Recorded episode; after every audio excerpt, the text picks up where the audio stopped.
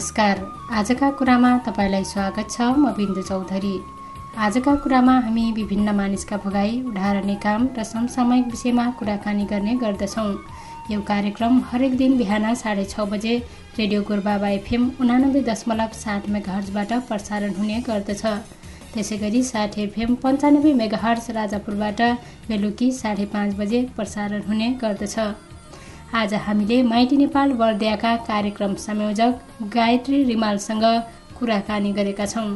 हाट हतियार र लागु औषध तस्करीपछि विश्वमा अर्को समस्या बनेको छ मानव बेचबिखन। विभिन्न अध्ययनको नतिजा हेर्दा यो समस्याले नेपालमा पनि दिन प्रतिदिन समस्याग्रस्त बन्दै गएको छ। चेली बेचबिखन मानव तस्करीलाई मुख्य समस्याका रूपमा बुझेको नेपाल प्रहरीले यसको नियन्त्रणका लागि प्रयास भने थालेको छ। तस्करी नियन्त्रणका लागि प्रहरीले मानव बेचबिखन अनुसन्धान ब्युरो नै खोलेर काम गरिरहेको छ। विभिन्न सरकारी तथा गैर सरकारी सङ्घ संस्था पनि मानव तस्करी नियन्त्रण गर्ने एजेन्डासहित काम गरिरहेका छन् तर पनि बेचबिखनको डर घटेको छैन। आज हामी यसै विषयमा कुराकानी गरेका छौँ। कार्यक्रममा स्वागत छ। यहाँको परिचयदेखि नै सुरु गरौँ। यहाँलाई धन्यवाद। म गायत्री रिमाल माइती नेपाल बर्दियामा काम गर्छु। कार्यक्रम संयोजकको रूपमा चाहिँ काम गर्दै आइरहेको छु। हजुर संयोजकज्यू यो हामी चाहिँ विशेष बाल विवाह र मानव बेचबिखन सम्बन्धी रहेर कुराकानी गर्नेछौँ होइन?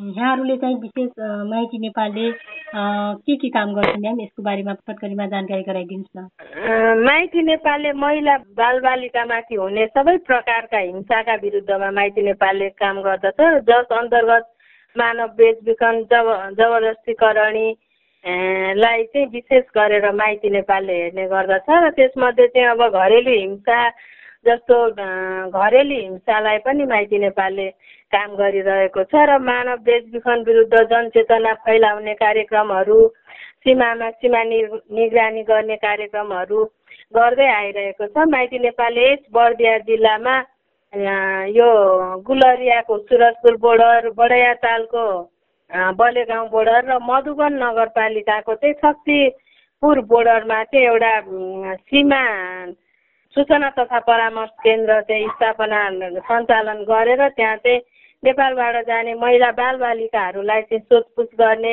आवश्यक परामर्श गर्ने र त्यस्तै शङ्कास्पद देखिएमा चाहिँ जस्तो महिला बालबालिका पीडितहरूलाई चाहिँ हामीले हाम्रो आवादी गृहमा ल्याएर संरक्षण दिएर त्यसपछि स्वास्थ्य उपचार कानुनी सहयोग समेत चाहिँ यो आवादी गृहमा राखेर गरिरहेको अवस्था छ भने त्यस्तै जस्तो दलालहरू फेला पर्यो भने दलालहरूलाई चाहिँ प्र नेपाल प्रहरीमा लगेर नेपाल प्रहरीबाट नै अनुसन्धान प्रक्रिया अगाडि बढाएर चाहिँ मुद्दाको प्रक्रियामा जाने चाहिँ गरिरहेको छ।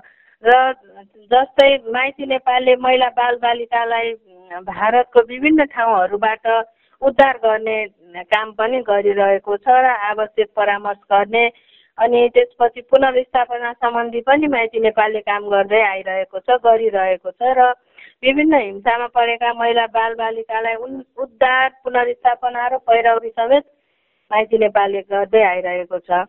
माइती नेपालले भारतबाट पनि विभिन्न सङ्घ संस्थाहरूको समन्वय सहकार्यमा त्यहाँ भारतीय प्रहरीसँग चाहिँ सहकार्य समन्वय गर्दा चाहिँ भारतबाट पनि उद्धार गर्ने कार्यहरू चाहिँ गरिरहेको छ माइती नेपालले।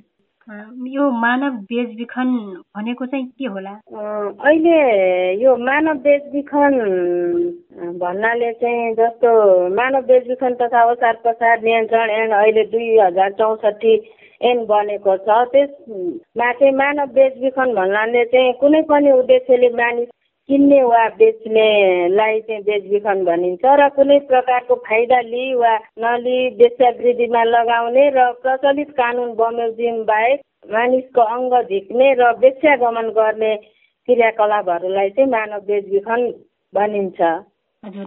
यसको नेपालमा चाहिँ कति व्यापक छ? मानव बेचबिखन अहिले नेपालमा चाहिँ व्यापक रूपमा बढिरहेको अवस्था छ।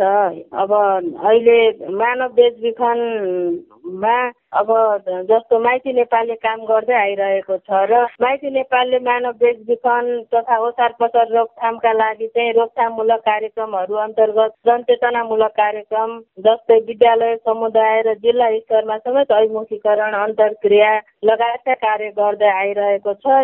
अब स्थानीय निकायसम्म जिल्लामा विभिन्न सरकारी तथा गैर सरकारी निकायहरूसँग चाहिँ काम गर्दै आइरहेको छ र जस्तै सीमामा पनि माइती नेपालले परामर्श केन्द्र स्थापना गरेको छ।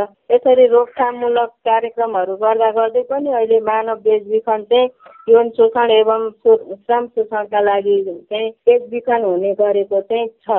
र अहिले यही बर्दिया जिल्लाकै हकमा कुरा गर्नु पर्दा बर्दिया जिल्ला चाहिँ जस्तो हामीले काम गर्दाको अवस्थामा चाहिँ बर्दिया जिल्ला तिन कुराले प्रभावित छ।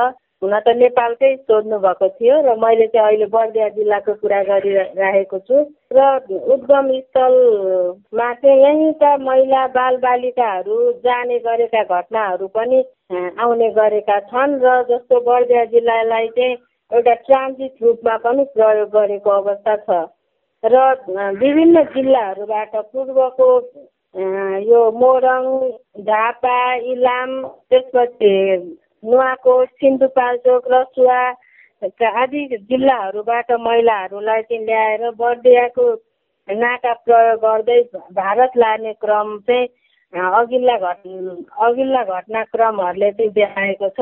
र अहिले बर्दिया जिल्लामा पनि जस्तो बर्दिया जिल्लाभित्रै पनि श्रम शोषण यो यौन शोषणमा परेका घटनाहरू चाहिँ बाहिर आइरहेका छन् जस्तो सहरी इलाका ग्रामीण इलाकाहरूमा पनि र गन्तव्य स्थान हो भन्ने चाहिँ छ। हजुर। बर्दियाको चाहिँ ट्रान्जिट भएर बेच्ने काम चाहिँ भइरहेको छ भन्नुभयो। कतिको कति उद्धार गर्नुभयो नि? अब हामी माइती नेपालले चाहिँ अब जस्तो जोखिमपूर्ण यात्रामा रहेका सीमाबाट उद्धार गरिएका र आबद्धित गृहमा प्रवेश प्रवेश गराएर चाहिँ यो हामीले आवश्यक परामर्श दिएको चाहिँ हामीले यो सतहत्तर अठहत्तरमा चाहिँ एक सय बत्तिसजनालाई चाहिँ यो आबद्धित गृहको संरक्षणमा राखेर चाहिँ आवश्यक परामर्श समेत हामीले पारिवारिक पुनर्मिलन पनि गरायौँ। गराएका थियौँ यसमा चाहिँ महिला र बालिकाहरू बढी हुनुहुन्छ। हामीले हुन त बालकहरूलाई पनि हेर्ने गर्छौँ र बालकहरू चाहिँ कम छ र बालिका र महिलाहरू चाहिँ बढी देखिन्छ। हजुर सबभन्दा धेरै चाहिँ मुद्दा दर्ता हुने चाहिँ कुन घटना छ कुन मुद्दा चाहिँ? अब यो बर्दिया जिल्लालाई चाहिँ हेर्नु पर्दा धेरै जस्तो जबरजस्तीकरणीका मुद्दाहरू दर्ता गर्छ। दर्ता हुन्छ। हामीसँग चाहिँ हामीले हेरेका जबरजस्तीकरणीका मुद्दाहरूमा चाहिँ यो दुई हजार सतहत्तर अठहत्तरमा चाहिँ एकतिसवटा पीडितहरूलाई चाहिँ हामीले संरक्षण प्रदान गरेका थियौँ र एकतिसवटा मुद्दा दर्ता भएको थियो। र मानव बेचबिखनको घटना मुद्दा दर्ता चाहिँ अब यो जिल्ला प्रहरी कार्यालयबाट गरिएको हो र हामीले हेरेकोमा चाहिँ यो सतहत्तर अठहत्तरमा चाहिँ तिनवटा मुद्दा चाहिँ दर्ता भएको थियो।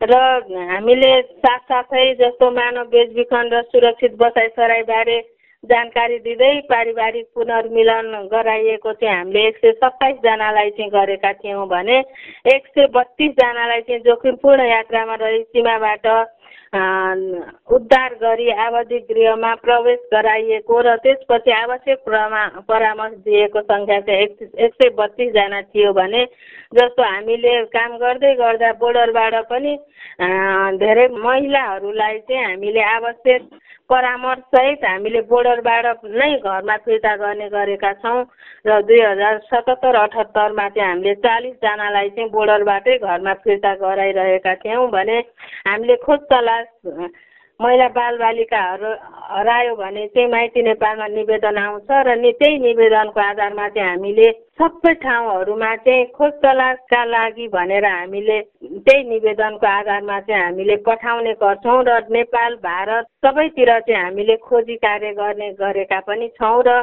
यो सतहत्तर अठहत्तरमा चाहिँ त्रिसठीवटा निवेदन चाहिँ माइती नेपालमा परेको थियो जसमध्ये तिसजना चाहिँ फेला परेको अवस्था थियो।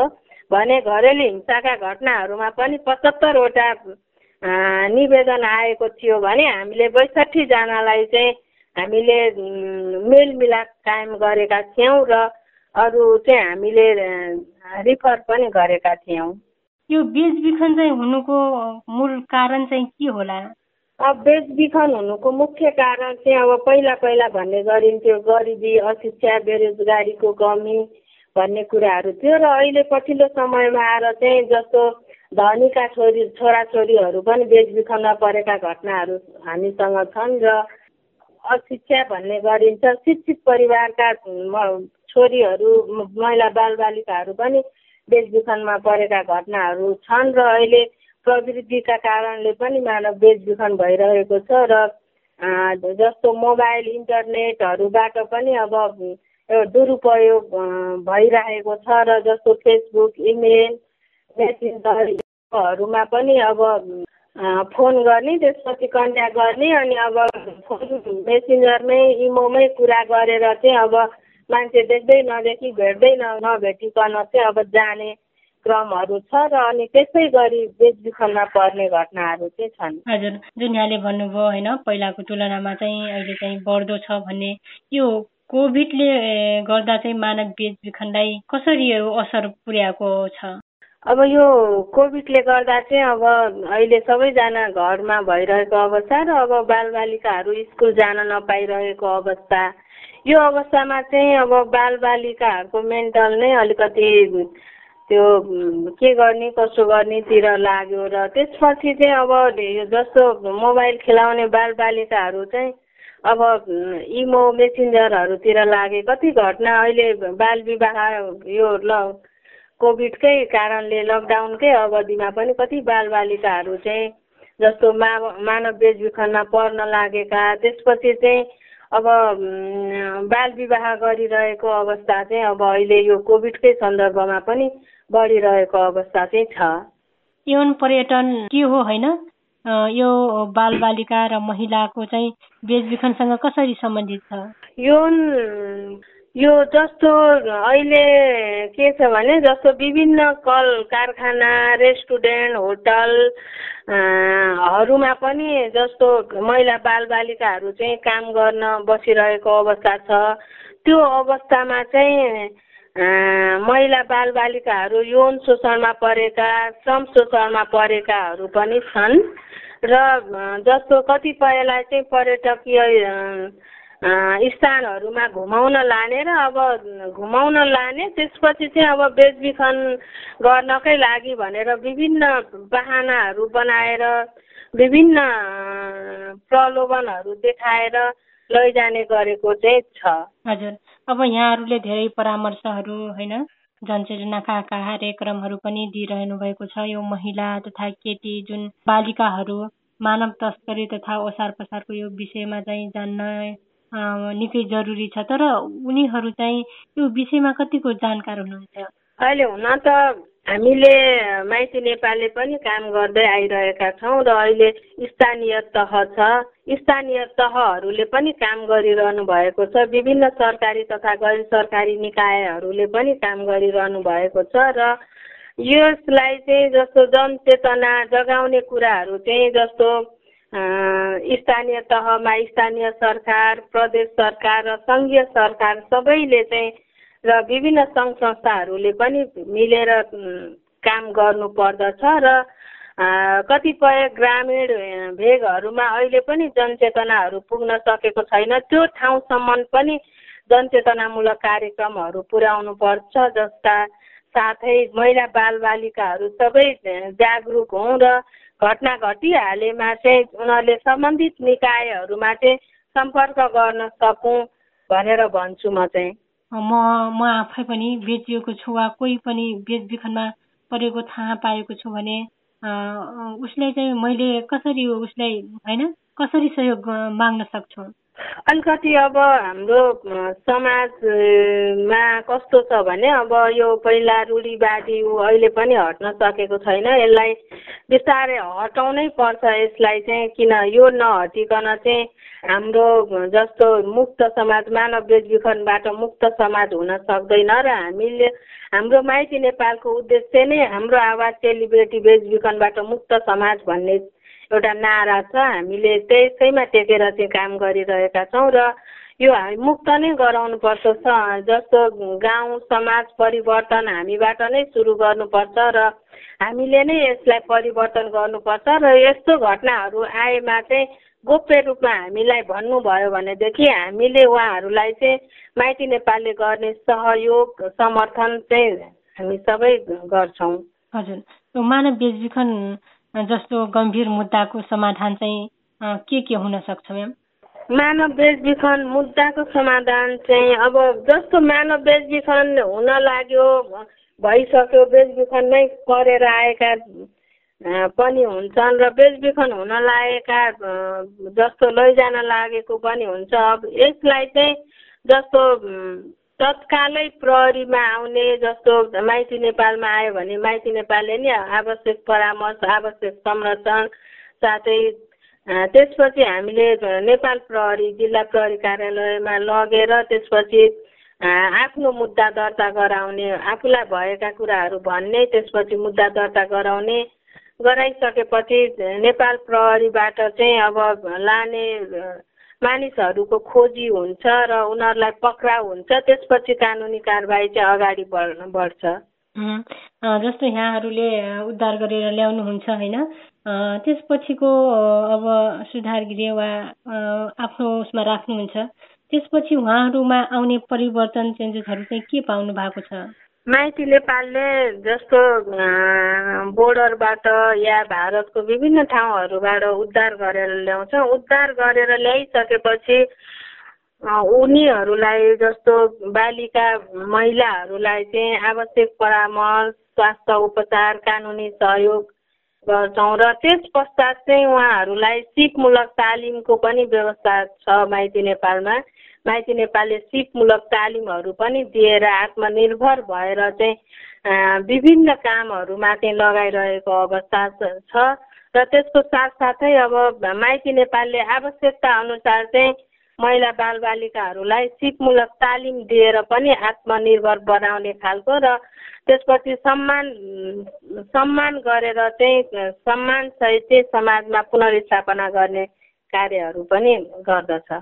हजुर। त्यो मानव बेचबिखनमा जुन हिंसा हुन्छ नि हजुर। यो हिंसा चाहिँ कसरी संलग्न हुन्छ?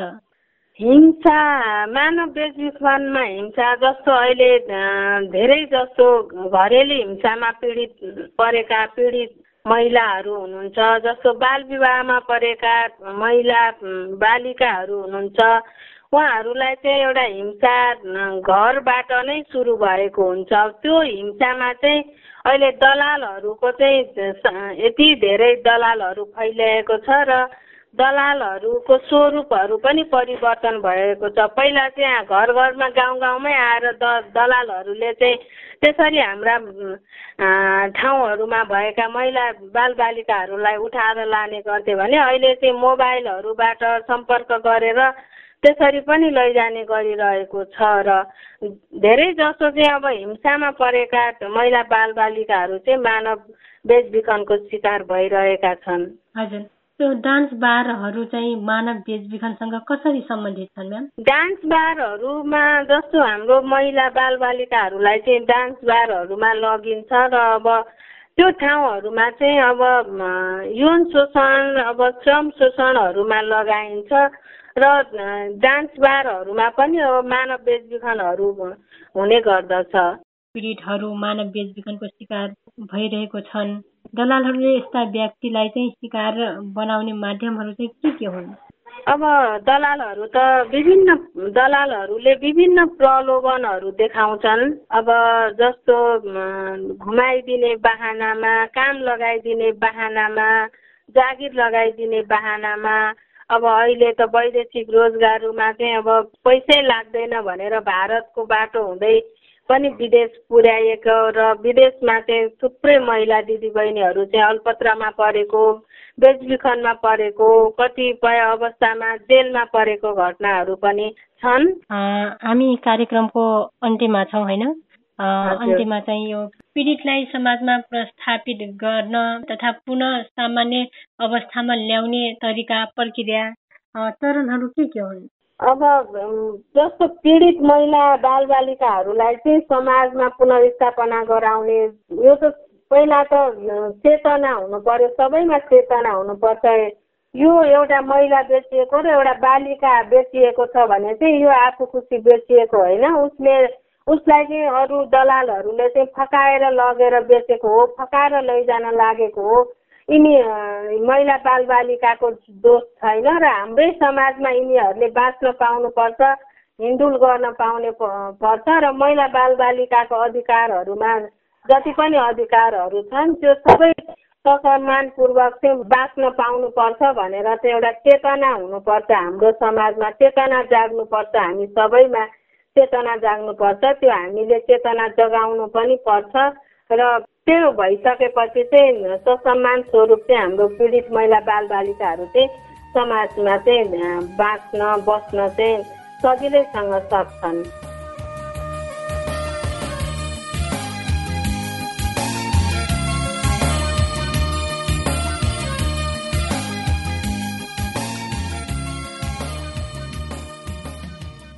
धन्यवाद। उहाँ हुनुहुन्थ्यो माइटी नेपाल बर्दियाका कार्यक्रम संयोजक गायत्री रिमाल।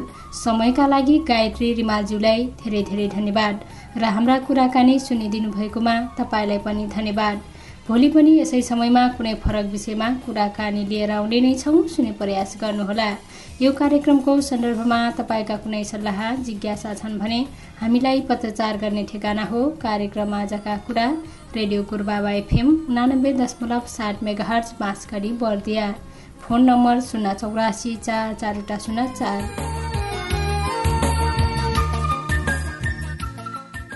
हवस् त।